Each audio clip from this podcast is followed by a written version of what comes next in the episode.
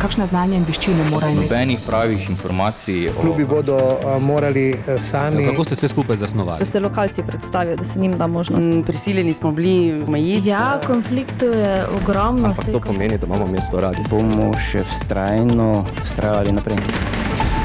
Radijska tribuna. Cenjene in cenjeni, dober dan želim. Koalicija obljublja reformo plač v javnem sektorju, ker je vlada različnim skupinam že dala ali obljubila ugodnosti, pa se zaradi porušenih razmerij kopičijo zahteve večine sindikatov v javnem sektorju. Ob višji minimalni plači in vse dražjem zadolževanju se tako pojavlja vprašanje vzdržnosti javnih financ. Radijska tribuna. Vaš voditelj je Dejan Rad. Vlada Roberta Goloba je pred tednom dni povišala minimalno plačo na 878 evrov neto. Predtem je sklenila dogovore o povišanju plač v zdravstvu in socialnem varstvu. Do 600 evrov bruto na mesec več bodo dobili sodniki in toživci. Više plače tudi pomočnice vzgojiteljic v vrcih in mladi raziskovalci.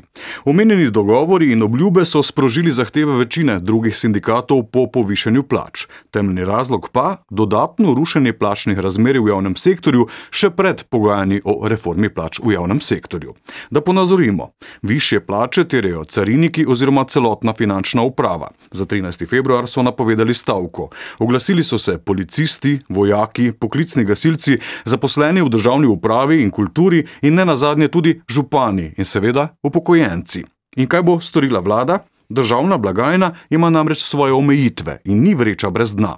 Zato že prihajajo opozorila o vzdržnosti javnih financ. Na to venomer opozarja tudi predsednik Fiskalnega sveta Republike Slovenije, dr. Davorin Kračun, naš današnji gost v oddaji Radijska tribuna. Dr. Kračun, pozdravljeni in seveda hvala, ker ste si vzeli čas za naše poslušanje. Pozdravljeni. Takole nekaj istočnic smo slišali, vi ste v bistvu tisti, oziroma vaš fiskalni svet je tisti, ki bdi nad javnimi financami. Morda takole za uvod za naše poslušalke in poslušalce, v kakšnem stanju je trenutno državna blagajna. Za plače bo država namenila več kot v lanskem letu, to je že jasno. Javne finance eh, niso nikoli v idealnem stanju, eh, čeprav eh, lahko rečem, da kratkoročno eh, kakšnih posebnih tveganj eh, ni. Eh, vendar, kot vidimo, eh, pritiski eh, na eh, plače v javnem sektorju so veliki, eh, ne vemo, kje se bodo končali, tudi ne vemo, eh, kako in kdaj jih bo uspela vlada zaezit. Eh, in to pa je eno od tistih tveganj, eh, ki lahko javne, eh, javne finance finance iztirijo, oziroma ki lahko uh, povzročijo uh, javno, javno finančne težave. Kar se tiče uh, proračuna za leto 2023, uh, ta proračun uh, načrtuje uh, zelo velik javno finančni primankljaj. Preko 5% bruto domačega proizvoda, kar je med najvišjimi v Evropski uniji.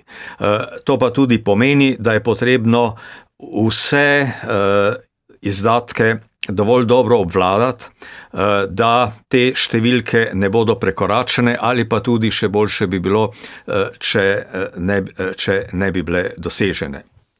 Namreč v osnovi Takrat, ko eh, so se pripravljali proračuni jeseni lani, eh, je bilo jasno, da je negotovost velika, eh, da, bo, da potrebuje država rezerve za ukrepanje, predvsem zaradi draginje, tudi na energetskem področju.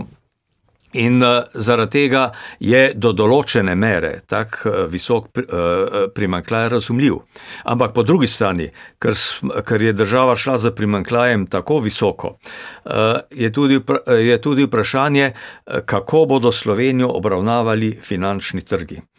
To je pravzaprav največje tveganje, kajti.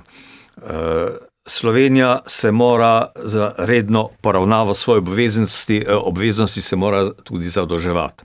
Letos se bo eh, mora izdati obveznic za okoli 5 eh, milijard evrov, torej za pokritje starih obveznosti in pa za pokritje tega primaklaja. In eh, kakšni bodo pogoji na, finančne, na finančnih trgih, je odvisno tudi od tega, eh, koliko bodo imeli, eh, koliko bodo imeli finančni trgi zaupanja v ekonomsko politiko, v stabilnost Slovenije in v to, da Slovenija obvladuje svoje javne finance.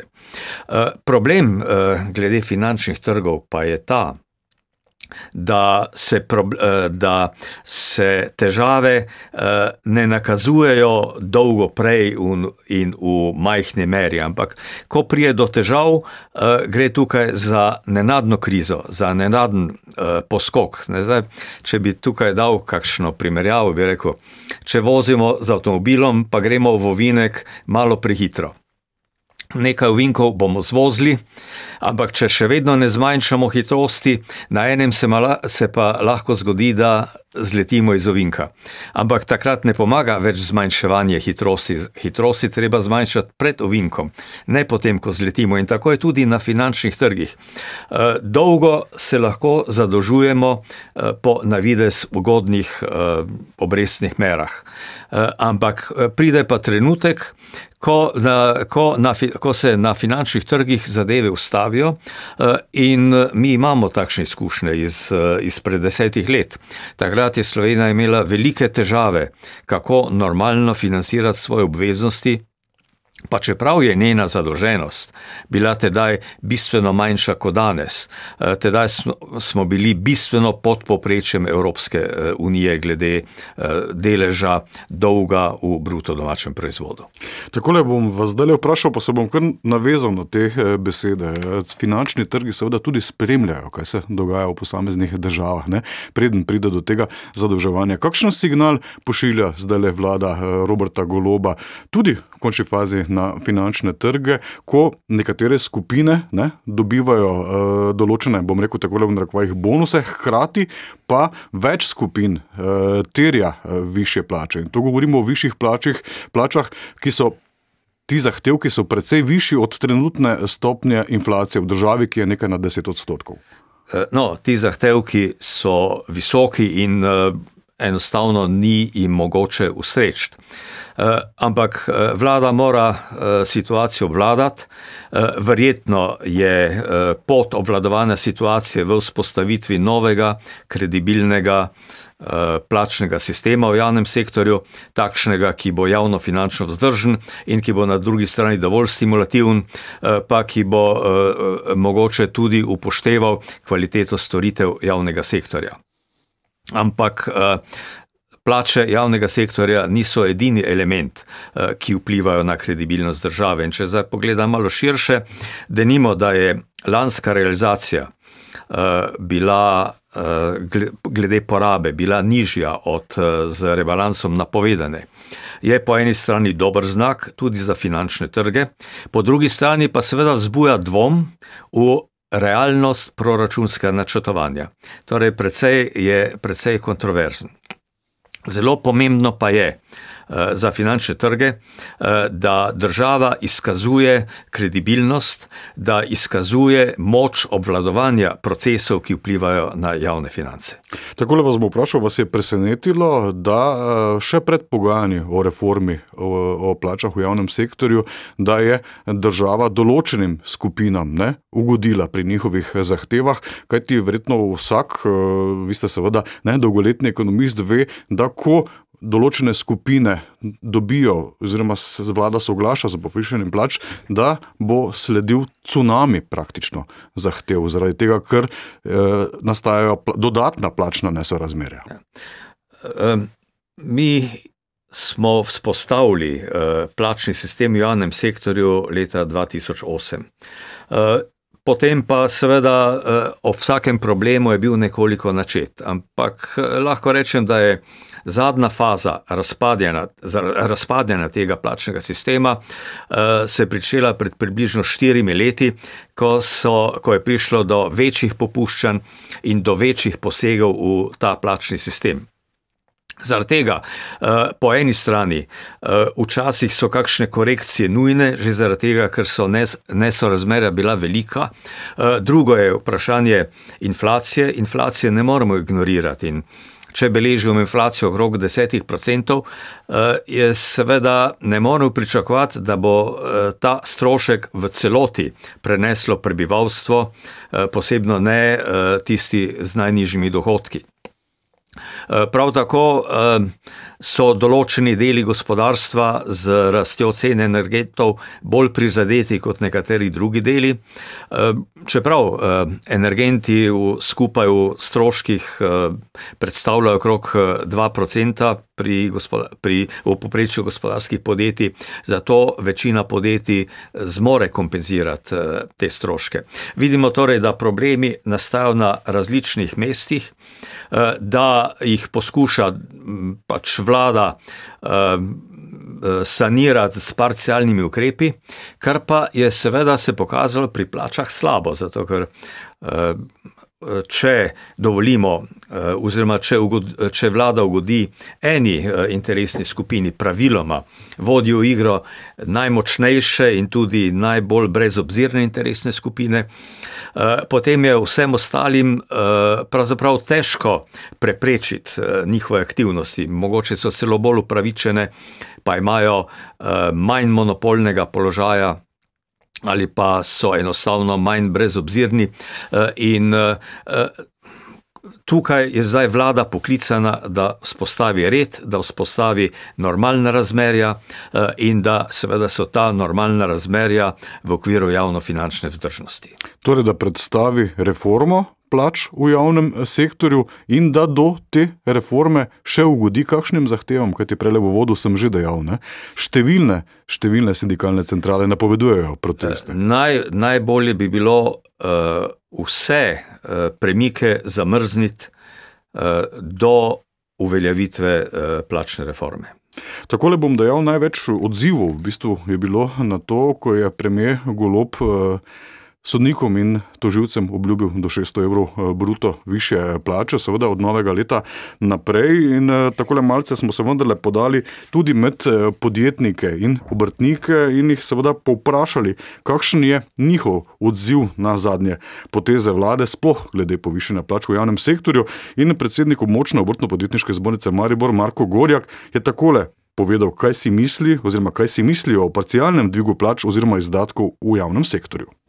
Jaz sem mnenja, da najprej je treba ustvariti, potem lahko delimo.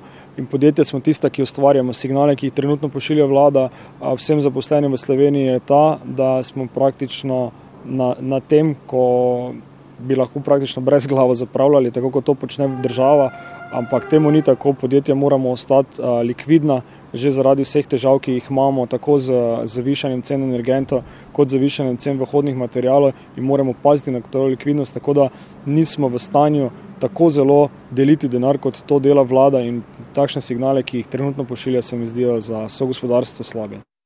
Doktor Kračun, podjetniki in obrtniki tako poudarjajo, država je preveč radodarna. Pa morda vprašanje za vas, pa deloma ste nekaj že odgovorili predhodno, koliko so vsi ti, vse te zahteve za dvige plač v javnem sektorju upravičeni? Kaj je upravičeno, je odvisno pač od našega moralnega kompasa, od naših predpostavk. Vprašanje pa je, kaj je vzdržno. In v z jesenskimi proračunskimi dokumenti je vlada predvidela za popravke plač približno šeststo milijonov evrov in to je vključeno tudi v proračune za leti, za leti dva triindvajset in dva štiriindvajset. In tukaj so bili vključeni tisti zahtevki oziroma tisti popravki, ki, za katere je vlada takrat menila, da so najbolj upravičene. Nadaljnji zahtevki seveda prihajajo tako zaradi, zaradi inflacije kot tudi zaradi tega, ker najbrž ob ob porušenih razmerjih vedno nekdo pride do, vedno pride do tega, da se počuti prikrajšanega, in če ima dovolj moči za to, da to svojo prikrajšanost tudi razglasi, potem to vsi slišimo in čutimo. Ampak javnofinančna vzdržnost je in disciplina na tem področju, ki jo pa mora vzpostaviti vlada s kredibilnimi ukrepi, je pravzaprav tudi tista, ki ščiti podjetja. Pred, pred velikimi izdatki, pred morebitnim povišanjem dajatev, pa tudi pomembne demonstracijski efekt. Plače v javnem sektorju so tudi pomembna referenca za podjetniške plače in zdrsi na tem področju lahko podjetnikom povzročajo dodatne probleme. Vprašal sem vas tu, morda samo pod vprašanje, ker sem pred časom slišal, da ste dejali, da bi moral dvig plač v javnem sektorju biti upravičen oziroma nekako sovpadati tudi z učinkovitostjo. V to pa malce dvomite. E, tako je, tako kot e, v podjetju, e, pač njihova realizacija je odvisna od tega, v kolikšni meri uspe ustreči tržnim zahtevam. Pri javnem sektorju pač nimamo tega direktnega plačila za storitve, ampak posrednega. Vsi davkoplačevalci pač storitve javnemu sektorju plačujemo vnaprej. Tako recimo tudi zdravstvene storitve plačujemo vnaprej, pri čemer ne vemo, ali jih bomo takrat lahko uporabili, ko bo potrebno ali ne. To je ravno ta problem zdravstvene reforme. Zato je potrebno biti toliko bolj previdni in je potrebno imeti toliko več mehanizmov nadzora nad tem, kaj se dogaja v javnem sektorju, kajti trg sam ne more odločati, ne more postavljati kriterijev javnemu sektorju neposredno. Prej smo slišali obrtnike, zdaj se bomo dotaknili tudi še tistih malo večjih podjetnikov. Pred mikrofon smo povedali tudi Milana Lukiča, podpredsednika upravnega odbora Štarske gospodarske zbornice, tako o plačah v javnem sektorju in predvsem o rešitvi, torej o nujni reformi plačnega sistema, na katero se čaka že leta in leta in to lepo povedal. Čaka se skozi, ker se je vedno reševalo z nekimi parcialnimi dogovori, sedaj so pa problemi tako daleč eskalirali, da se več s parcialnimi dogovori ne da nič reševati, ker ko enemu ustrežeš, se porušijo razmerja v drugem delu javnega sektorja in potem se zgodba začne pač na novo odvijati. Tako da jaz domnevam, da bo tokrat plačna reforma uspela, ker preprosto uh, mora uspeti. Kakšna bo, uh, počakajmo, da bomo videli, ampak uh, brez uh, resne plačne reforme v javnem sektorju se stvari ne bodo dobro iztekle. Na plačno reformo, vsaj na nekaj podatkov, smo čakali že včeraj ob koalicijskem vrhu, pa na koncu se je koalicija ukvarjala s trenutno prvim problemom v državi ne? in eh, to je seveda reforma zdravstvenega eh, sistema. Dokdaj imate morda kakšne podatke, eh, doktor Kračun, naj bi bila ta reforma plačnega sistema v javnem sektorju dogovorjena, izpeljana, vsekakor je pomembna. Ne? Zdaj le govorim, vendarle ne, odziv predsednika fiskalnega sveta, ki bdi nad vsemi izdatki. Eh, če bi eh, mene vprašali, bi rekel včeraj. Oziroma, eh, to je ena od prioritet vlade, kar je bilo jasno že ob izvolitvi, in se je in se problem samo kumuliral še v drugi polovici lanskega leta. Ampak ni to edini problem, kot smo rekli. Zdravstvo je zelo akuten in velik problem, pri čemer, kar je zanimivo, ni v tolikšni meri problem javnih financ, ampak problem organizacije dela v zdravstvenem sektorju. Tako je, čaj, tako je vse bilo možno razumeti izjave po včerajšnjem posvetu koalicije. Potem imamo še, poleg tega imamo izziv pokojninskega, pokojninskega zavarovanja, ki tudi zaradi dolgoživosti prebivalstva, zaradi staranja pač zahteva stalno prilagajanje. In v, vse, v okviru vse te problematike je pač politična odločitev, čemu bo dana prioriteta. Mi kot neodvisen organ seveda ne, ne sugeriramo političnih odločitev, ampak vlada mora presoditi, kje in kdaj je najbolj potrebno priti z kredibilnimi ukrepi in reformami. Vlada se je odločila tukaj pri ukrepu tudi kar se tiče minimalne plače in sprejela odločitev za 12 odstoten dvig minimalne plače, dejali smo na 878 evrov. Kakšen je vaš odziv? Je to primern ukrep, pretiran ukrep, predvsem, kada govorimo o višini? Jaz ne bi rekel, da je to nesporen ukrep, lahko pa rečem, da je še najmanj sporen, zato ker targetira uh, najbolj prizadete, torej najslabše plačane. Uh, in uh, zato je pri, podobno reagirajo tudi druge evropske države. Problem je edino v tem, da to povzroči problem kompresije plač in uh, sproži tudi nek nekatere druge probleme v zvezi s plačnim sistemom. Z vidika javnega sektorja uh, to ne pomeni uh, ne vem kakšne obremenitve, kajti zvišanje minimalne plače bo, bo omogočilo tudi nekoliko vi više javnofinančne prihodke. Mogoče tu ni ravno povsem uh, uravnovešeno, ampak vendarle to ni toliko javnofinančni problem, kot je pač eh, problem eh, gospodarstva in socialne politike nasploh.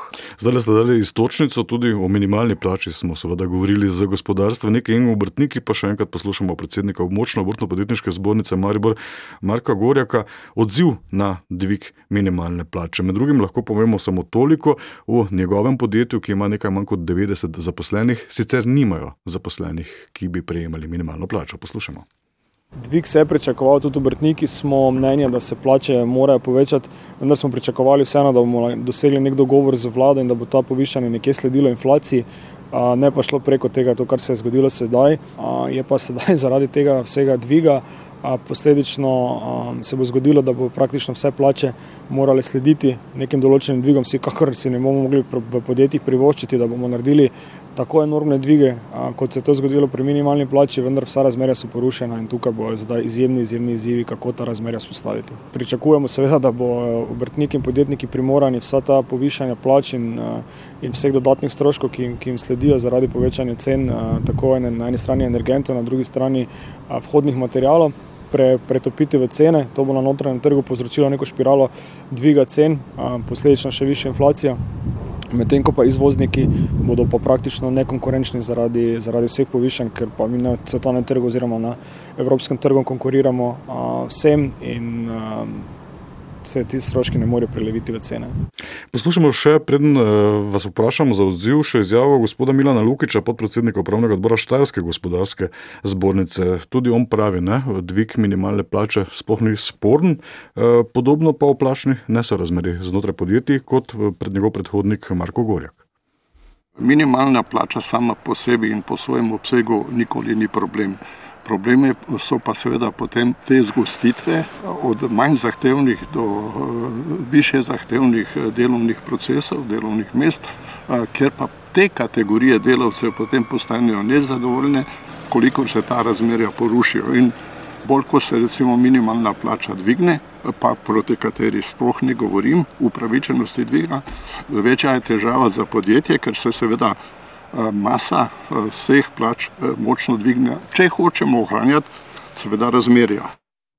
Tako je torej oba predhodnika, zdaj le morda vprašanje za vas, ne toliko kot predsednika fiskalnega sveta, ampak seveda kot ekonomista. Kakšen je vaš odziv na težave gospodarstva, ki ga izpostavljajo?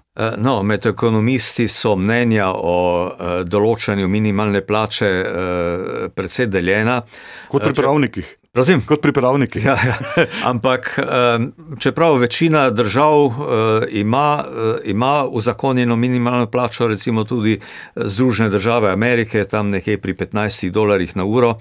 In zaradi tega je minimalna plača kot element socialne korekcije pravzaprav sprejeta v večini držav v takšni ali pa drugačni obliki.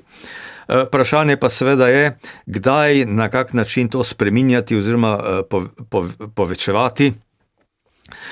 Zdaj iz vseh teh odzivov je očitno, da z reševanjem enega problema odpreš nekaj drugih. In To, to smo zdaj tudi videli.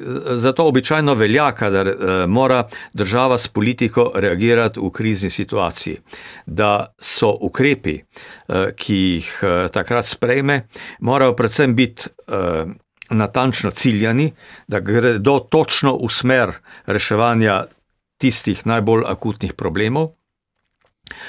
Da so pa hkrati začasni, torej da ne postanejo trajno breme za javne finance, ampak da potem, ko se situacija normalizira, da se tudi stvari vrnejo v, v, normalne, v normalne okvire.